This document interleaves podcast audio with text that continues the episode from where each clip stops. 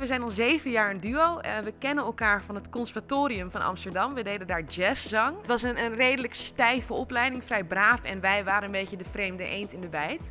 Dus toen dachten we in ons eindexamenjaar laten we eens een keer wat gaan maken samen. En dat is na al die jaren uitgegroeid tot Matrushka, wat we nu doen. Toevallig dat jij nu dezelfde eeuw, dezelfde tijd, niet lang geleden op een paard in een loopgraaf als soldaat. Niet je levensdagen sleet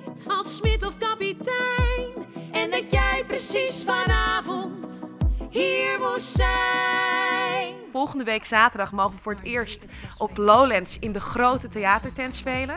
Uh, we staan er met onze live band en het is gewoon heel spannend, dus we hebben hard gewerkt. Daar passen toch wel iets van 1500, 2000 mensen in. Dus dat is eigenlijk een soort uh, carré, maar dan uh, op een festival. Ja, festivalbezoekers zijn super uitbundig, dus dat is onwijs leuk. En ze zijn natuurlijk wel een stuk jonger dan uh, in de gemiddelde uh, theaterzaal.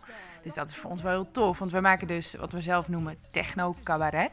Dus dat zijn, uh, dat is, zijn liedjes, sketches, allemaal met elektronische muziek. En ook best wel harde, snelle grappen, daar houden we van. Het moet niet, niet te lang duren, dus we zijn, al, we zijn al drie stappen je vooruit. Dat is wat wij leuk vinden. En dat sluit wel echt extra goed aan bij, uh, bij jonge mensen die allemaal op Lowlands te vinden zijn. Lekker met de locals. Lekker met de locals. Lekker met de locals. Hij heeft zijn eigen company. Hoe heet het nou, Oesman? Yes, I have my own company. It's called Fuck the Parents Plan. Nou, zo heet het toch niet echt, Oesman? Because I fuck all the parents. Uh, all the grandparents. Uh. Het is zo'n grappenmaker. Let it go, Madame Rita, let it go. Wanneer gebeurt je dit nou nog? Free that spirit. Het is zo lekker, joh. Lekker met de locals. Lekker met de locals.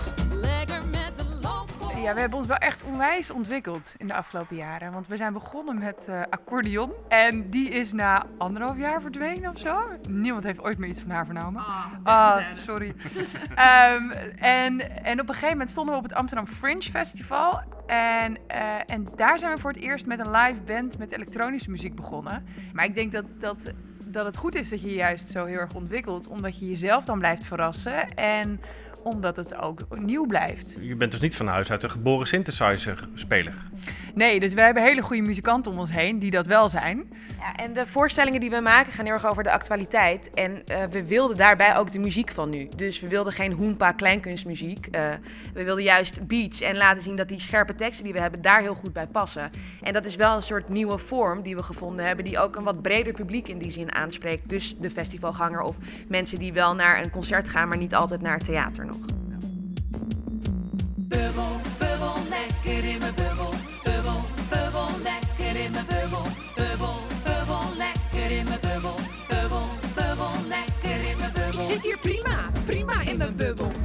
Met mijn vrienden en met gelijkgestemden. Ik heb gymnasium gedaan en dat deed ik goed. En een beroep gekozen dat er echt toe doet. Ik had advocaat kunnen worden, kunnen gaan voor het geld. Ik noem mezelf geen held, maar als cabaretier draag je echt aan onze maatschappij. De correspondent, dat is mijn bijbel. En de groene Amsterdammer lees ik tijdens mijn ontbijt. Die gaan tenminste verder dan de waan van de dag. Weet ik meteen weer wat ik in mijn bubbel zeggen mag. Had ik maar een stoma, hoefde ik niet zelf te kakken. Dan liet je alles lopen zonder je broek te laten zakken. Precies. Was ik maar een psychopaat, dan had ik geen geweten. Had ik maar een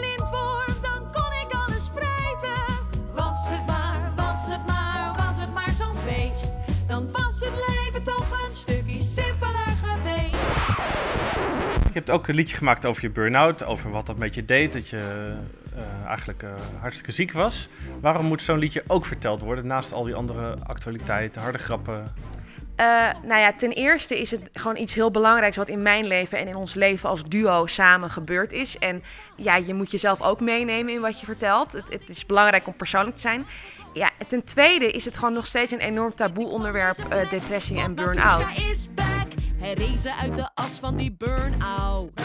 Hij rezen als een phoenix uit die burn-out. Het duurde meer dan een jaar en zelfs nu is het nog niet klaar. Dus hier komt mijn story. Van up naar victorie. Van de goot naar de glorie. We schrijven historie voor wie het wil horen. Eh, en wij houden ervan om taboes te doorbreken. Dus we hebben inderdaad een lied Ziek in mijn hoofd. Dat is een rap waarin ik vertel hoe dat geweest is. eh, waar we het er samen over hebben. En we eindigen dan met eh, ja, antidepressiva wordt geslikt door 1 op de 10. Dus als ik zo aftel, dan wil ik handjes zien. En dan ja, tellen we af en dan steken we onze handen in de lucht. En meestal durft maar één of twee mensen in het publiek ook hun handen op te steken. Terwijl je weet, van die 500 mensen moeten er gewoon meer zitten. Dus op die manier kaarten we iets aan op een grappige manier, op een confronterende manier. En hopen we toch die discussie ook weer iets verder te helpen. Wij willen handjes zien. Heb jij ook iets in je brein? Gooi die handjes dan opzij. Wij willen handjes